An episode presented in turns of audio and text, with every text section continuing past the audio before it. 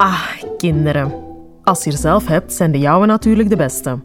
Maar bij die kinderen komt al eens wat stress kijken. Opvoedingsstress. Daarom gaan we in Nooit Klaar samen met kinderpsycholoog Klaar Hammenekker in op dagdagelijkse opvoedkwesties. Met concrete handvaten en inzichten die je kan toepassen in je eigen gezin. Ik ben Eva, de host van deze podcast. En in deze aflevering vraagt de mama zich af hoe ze moet omgaan met de moeilijke, gênante en soms onmogelijke vragen van haar kinderen.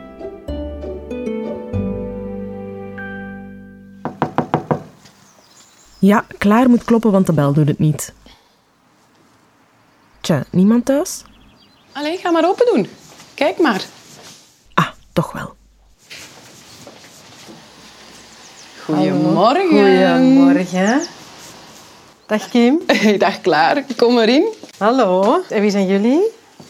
Ik ben Emiele. En ben jij Emile? Ik ben Louise. En jij bent Louise. Hallo. Mag ik eens langskomen bij jullie vanochtend? Ja. Ja.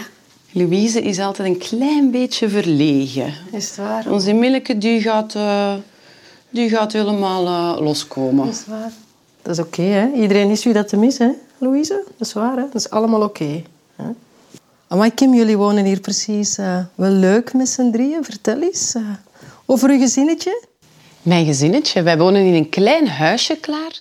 Kim woont samen met haar twee dochters, Louise 9 en Emile 8 jaar. Zonder partner. Zij en de vader van haar kinderen zijn recent gescheiden, maar ze komen nog goed overeen. En we gaan wel een keer te voet naar papa of met de fiets naar papa. Wonen jullie zo dicht bij elkaar nu? Ja, dan gaan we ook eens zelf alleen naar school. Alleen terug. Ja, sinds een paar maanden. En ze gaan ook al een keer af en toe alleen naar de winkel. Dan geef ik ze een briefje mee waar dat op staat wat dat we nodig hebben. En dan geef ik ze centjes mee. En dan doen ze dat. En af en toe komen ze dan eens thuis met een extra verrassing, zoals een bosje bloemen, als ze nog wat centjes over hebben. Kim zet heel erg in op autonomie en zelfredzaamheid bij haar dochters. Klaar vraagt Kim of er aan die keuze ook weer haakjes zitten. Of er daarbij dus zaken zijn waar zij als mama tegenaan loopt. Ja, als moeder heb je toch altijd zo die, die angst een beetje van oh, wat als, als dit misgaat of wat als dat misgaat. Maar ik probeer dan gewoon aan mezelf te denken van hoe was ik zelf op die leeftijd en wat mochten wij allemaal en is dat ooit misgegaan? Ja, weet je, er gaat wel misschien eens iets kleins mis, maar je kunt dat ook oplossen. Een kind kan eigenlijk al heel veel. Dus dat is een stukje ook vertrouwen en, en hun ook dat vertrouwen geven. Dus ja, soms bij mezelf, maar ook in de buitenwereld. Ik loop wel eens eh, bijvoorbeeld tegen mijn schoonmoeder aan, die dan zegt van oeh, zouden dat wel doen en is dat niet te gevaarlijk? En ze gaan alleen naar school en wat als, er iemand, eh, als ze iemand tegenkomen? Maar dan praten we daarover en dan, eh, en dan ja. En uiteindelijk, uiteindelijk ben ik degene die beslist. Sorry, schoonmoeder. Ehm, is het niet twee keer misschien wel, wel hetzelfde? In die zin dat het twee keer gaat over een, een stem, zijnde de ene keer van een concrete levende persoon buiten u, namelijk bijvoorbeeld uw schoonouders, Ehm, maar anderzijds ook een stem in uzelf. En ze zegt twee keer een beetje hetzelfde. Is dit wel oké? ja. De typische stem die heel veel ouders in hun hoofd horen. En die inderdaad een beetje teruggaat naar vaak ongevraagde advies en bedenkingen vanuit onze omgeving. Maar op een of andere manier hebben we die precies toch ook wel een beetje van binnen geïnternaliseerd. Is dat van onszelf geworden. Ik ben het daar, ik, ik ben het daar 100% mee eens, klaar. En als ik daarover spreek, dan zeg ik altijd... Dat zo, we hebben zo een engeltje en een duiveltje op onze schouder. En dat is dat duiveltje dat in ons oor fluistert. En inderdaad, bij mijn schoonmoeder is dat datzelfde duiveltje als bij mij. En dat is dat duiveltje van die bezorgdheid. Hè. Maar dat is inderdaad 100% juist. Klaar wil weten wat het duiveltje van Kim dan zoal tegen haar zegt als het op het loslaten van de kinderen aankomt. Oh, eh, ben ik daar niet te vroeg mee? Zijn ze daar oud genoeg voor? Eh, gaat er niks fout gaan? En soms ook wel van, wat gaan de mensen daarvan wel niet zeggen? Ja. Ja. Mhm. ja. Ik probeer dan even na te denken hoe het was toen ik zo oud was. Alsof dat je ehm, je eigen ontwikkeling, je eigen persoonlijkheid ook, of de manier waarop jij op, opgegroeid bent, dat je dat een beetje als referentie neemt. Ik merk dat dat iets is wat voor heel veel ouders echt heel moeilijk is. Op het moment dat je zelf ouder bent en je hebt je eigen kinderen om op te voeden, dan lijkt het dat je je eigen tijd vergeten bent. Heel veel ouders die belanden dan in een soort van ouderrol, alsof ze nooit zelf kind geweest zijn. En ik merk dat zelfs als ik ouders erover aanspreek, dat dat heel moeilijk is om er naartoe te gaan. En ik denk ook zo'n beetje wat dubbel. Van enerzijds, ja, maar dan moet ik toegeven dat het dat net datgene wat ik nu zo moeilijk vind bij mijn kind, dat eigenlijk zelf ook heel fijn en tof vond en blij was dat ik dat mocht of dat ik gewoon deed, zelfs zonder toestemming. Je, je haalt daar net aan hè, van, uh, uh, ik kreeg de toestemming, dus ik moest er niet achter het gat gaan doen, zoals dat ze het zeggen in de volksmond. En dat is ook hetgeen wat ik wil voor de kinderen hoe moet ik dat zeggen? Ik, ik wil ervoor zorgen dat ze geen dingen achter het gat moeten gaan doen. Want als ze het mogen, kan ik het nog een stukje mee volgen en heb ik er wat impact op. Terwijl als ik hun dingen ga verbieden en zeggen nee, dat mag niet en om, om uit voorzichtigheidsredenen, ja, dan gaan ze het misschien wel achter mijn rug om doen. En dan heb ik er helemaal geen impact op. Dan zie ik het niet, dan kan ik ook niet tussenkomen. Dus ja, ik denk dat dat ook wel een van mijn beweegredenen is daarin. Kim vertelt verder. Ze legt klaar uit hoe vervelend ze het vindt wanneer haar dochters op vrijdagnamiddag aan de schoolpoort, in bijzijn van een hoop vriendjes en vooral ook van hun ouders, ongegeneerd vragen of die vriendjes thuis mogen komen spelen. Terwijl daar negen kansen op de tien eigenlijk helemaal geen ruimte voor is in de agenda van die namiddag. Kim vindt dat telkens weer een ontzettend ongemakkelijke situatie. Ze heeft Louise en Emille alvast gevraagd om haar niet meer zo voor blok te zetten aan de schoolpoort, maar Kim heeft schrik dat ze, wanneer het toch nog eens zou voorkomen dat ze haar dochters moet afwijzen, onsympathiek overkomt bij de andere ouders en kinderen. En dan is dat een beetje vervelend. Hè? Je weet gewoon, als je op dat moment moet nee zeggen, dat ze dan teleurgesteld zijn. En dat dat dan wel even ja, heel, heel die loop van gevoelens met zich meebrengt. En die teleurstelling en een beetje die boosheid. En dan weet ik ook niet goed van, hoe moet ik daar dan op reageren? Hoe kan ik die situatie nu omkeren? Dat we terug gewoon plezier maken en dat het plezant, een, leuk, een leuk begin is van het weekend. Dus ja, dat een beetje. Voor mij zitten daar echt heel erg die twee stukken op. Enerzijds wat dat bij kinderen heel normaal is om te doen.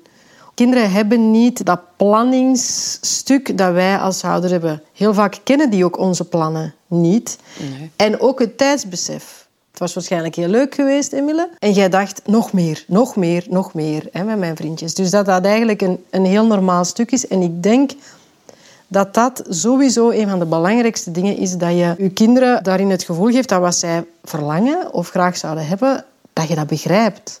Dat dat normaal is. Dat zij niet diegenen zijn die een ongepaste vraag stellen. Want dat is heel verwarrend voor een kind. Als dat zo natuurlijk voelt als een verlangen naar vriendschap en naar samen zijn en naar verbinding.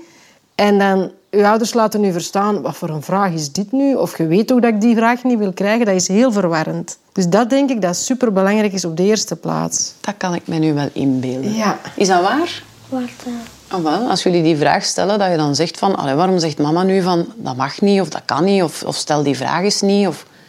Klopt dat? Ja. Ja? Hm. Ja. Oké. Oké. Okay. Voilà. Dus dat is denk ik al heel, al heel belangrijk. Dat zij te horen krijgen, uw vraag is heel begrijpelijk, heel normaal. Begrijp ik het goed dat jij hier een topweek gehad hebt? Zo leuk dat je nog veel langer wilt verder spelen met uw vriendjes. Of je bent bang dat je gaat vervelen deze namiddag. Ook een reden die heel vaak door kinderen wordt opgegeven. Als de reden waarom ze vragen, mag er een vriendje komen? Omdat ze bang zijn dat ze zich gaan vervelen. En daar hebben ze geen zin in. Hebben jullie ook soms? Ja. Minder verveling als er een vriendje of een vriendinnetje komt? Ja. Dat kan ik nu eigenlijk wel geloven. Dat ik dat nu nog niet bedacht heb. Je ziet, ik leer ook nog altijd bij. Hè? Ja. Ja. Ja, en dat is inderdaad een beetje wat er gebeurt, wat jij nu exact beschrijft. Van, ik had er niet aan gedacht. Als onze kinderen um, met zulke vragen komen, dan, uh, dan kunnen wij die niet altijd ontvangen en gewoon beluisteren. Net omdat er bij ons van binnen iets, iets gebeurt, alle emoties komen los. He, want jij hoort dan wel die vraag, maar tegelijkertijd gebeurt er bij je iets. Die mensen staan daar rond. Jij vraagt je af van, oké, okay, oh nee, wat gaan die erover denken? Oh, ik ga, als ik nu nee zeg, wat gaan die kinderen? Gaan zich dan slecht voelen? Oh nee, ik zie de buil hangen straks op weg naar huis. Die andere kinderen gaan ook teleurgesteld zijn. Dus bij jou zelf gebeurt er van binnen zoveel aan emoties dat het gewoon ontvangen van de vraag van die kinderen moeilijk is. En Emile heeft een slappe lach. Vertel het eens. Waarom ben je aan het gibberen?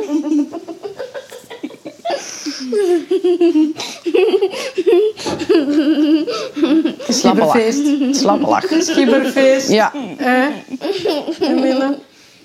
Ja. Als kinderen emoties tonen, zoals ook nu, dan moeten wij die eerst ontvangen. Hè? Ik denk het. Anders kunnen wij niet verder. Hè? Dat is echt zo. Hè? Ja. Maar ook bij onszelf als ouder is dat zo. Hè? Zo dat stilstaan bij je eigen emotie. Ik denk ook dat dat is wat op zulk moment wel een beetje werkt. Wat je eigenlijk net zei. Bij jezelf van binnen gaan kijken van oké, wat, wat doet die vraag van de kinderen met mij? Hoe komt die binnen? En dan gaan we al die verschillende aspecten gaan bekijken. Nu, dat, dat duurt geen half uur, hè, want die gaan geen half uur wachten op je antwoord. Dat gaat altijd heel snel in ons hoofd. Maar dat is wel belangrijk, om al die verschillende stapjes in je hoofd proberen te doen, in plaats van overspoeld te worden door emotie. Doe dus aan emotionele zelfreflectie wanneer jouw kinderen jou een vraag stellen, die in eerste instantie misschien als een onmogelijke vraag lijkt. En daar kunnen trucjes bij helpen. En misschien, Kim, helpt op dat moment voor jou nog wel die gedachte die je daarnet al een keer benoemd hebt. Namelijk, wacht eens even. Finaal beslis ik. Ik ben de mama van mijn kinderen. Ik weet hoe ik hen wil opvoeden. Ik weet waarvoor ik sta. Ik doe mijn stinkende best.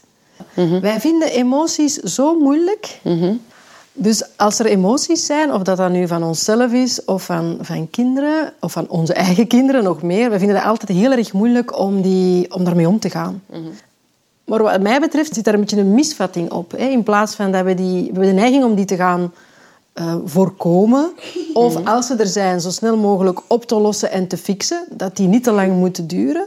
Maar de ervaring leert mij, als we het omgekeerde doen, namelijk die gewoon laten zijn en erkennen, dat die het snelst gaan liggen. Meer zelfs, eigenlijk verwachten kinderen niet dat wij dat fixen voor hen. Eigenlijk verwachten kinderen niet dat wij voorkomen dat zij zich slecht voelen. Of dat wij dat zo snel mogelijk terugdimmen. Kinderen verwachten dat niet. Kinderen verwachten eigenlijk gewoon alleen van ons dat hun emoties er mogen zijn. Niet dat wij dat voor hen gaan fixen. Ik heb nog geen enkel kind tegengekomen dat mij zegt... Ik verwacht dat mijn ouders ervoor zorgen dat ik mij niet slecht voel. Ja, oké. Dus stel, hè, volgende week, ze komen naar mij gelopen, er staan vriendinnetjes bij en ze vragen, mag Rosie blijven spelen? Dan zeg ik gewoon luidop van, lieveke, ik snap dat je graag nog verder speelt, eh, maar op dit moment heeft mama andere plannen. En, Bijvoorbeeld. en ik probeer dan eventueel nog naar een oplossing te komen. Van bijvoorbeeld van, eh, maar weet je wat, eh, in het weekend kan Rosie komen of op die manier. Ja. En uw kinderen zijn heel ehm, oplossingsgericht. Hè? Dat hebben ze daar net al laten horen. Dus ik denk dat je zelfs bij, bij jouw kinderen, en ook zeker ook bij lagere schoolkinderen, zelfs nog een stapje verder zou kunnen gaan. Namelijk dat je vragen stelt in plaats van het zelf in te vullen. Kinderen geven dan heel vaak bijkomende informatie waarmee je nog exacter hoort Wat er net speelt. Wat er speelt. Dus door, door dat meer gewoon terug te geven, eerder dan zelf in te vullen, krijg je nog veel meer informatie waarmee je iets kunt doen. Kim zou dus gewoon aan haar dochters kunnen vragen: wat denken jullie? Kan je bedenken waarom het nu niet past dat Rosie komt spelen? En denken jullie aan een ander moment waarop ze zou kunnen komen spelen? Kinderen hebben heel vaak hele, hele leuke ideeën. Ja. En, en dan voed je weer die autonomie die jij Ja. zo belangrijk Ja. vindt. Ja. Dat zelf zoeken naar oplossingen, naar, naar ideeën om aan die behoefte iets te voldoen. Ja. ja. Of hoe mooi rond de cirkel soms toch kan zijn. De oplossingen zijn vaak zo eenvoudig en klaar. Waarom komen wij daar altijd zelf niet op als ouders? Omdat wij in onze emotie zitten. Ja. Ja. Ja. Omdat wij, en dat is normaal, hè? Want wij, wij zijn met een onzichtbare draad met het, met het hartje van ons kinderen verbonden. Hè? Ja. En als dat sneller gaat kloppen, dan gaat dat van ons. En als dat huilt, dat hart, dan huilt dat van ons mee. En als dat op ontploffen staat, dan, dan dat van ons ook. Ja, dus dat maakt dat wij dan op dat moment dat niet, ehm, vaak niet zo rustig kunnen, kunnen aan, eh, aanpakken. Maar dat is oké. Ja. Dat is oké. Dat is ook gewoon... Dat, dat wijst op een sterke verbinding. Hè? Dus er is niks mis mee. Zolang dat je er van bewust bent. Ja. Ja. Ik heb ook kinderen. Ehm, dat soort van vragen word ik nu, worden mij nu minder voorgelegd. Maar ik herinner mij bijvoorbeeld heel goed vroeger dat ik naar de supermarkt ging bijvoorbeeld, en dat een van mijn dochters daar begon te zeuren. En echt alle trucken uithaalde om een bepaald soort van koeken of iets anders dat ze graag wou te, te mogen in de kar gooien. En dat die zelfs scènes begonnen te maken. En dat ik dacht, oh, ik zit er met een bordje kinderpsycholoog thuis aan mijn voordeur en zie mij hier nu staan. Wat moeten de mensen wel niet denken? Ja. Tot er dan zo'n oude madameke was die dan tegen mij aan de kassa zei... Het is niet gemakkelijk, hè, madame? En toen dacht ik, inderdaad, Ze begrijpen mij. iedereen heeft dat. Ja. Ja, Dus, ja. eh, Elke ouder heeft zijn emoties. Laat emoties zijn, zowel die van jezelf als die van je kinderen. Niemand verwacht dat ze opgelost of voorkomen worden. En dat is al zeker niet wat je kinderen verwachten dat jij voor hen doet. De andere afleveringen van Nooit Klaar staan klaar voor jou met meer opvoedtips. Die vind je terug op nooitklaar.be. Daar kan je ook terecht voor meer info over Klaars boek, wat elk kind nodig heeft en over de trainingen die Klaar geeft, gericht op krachtig ouderschap. Want opgroeien doe je levenslang.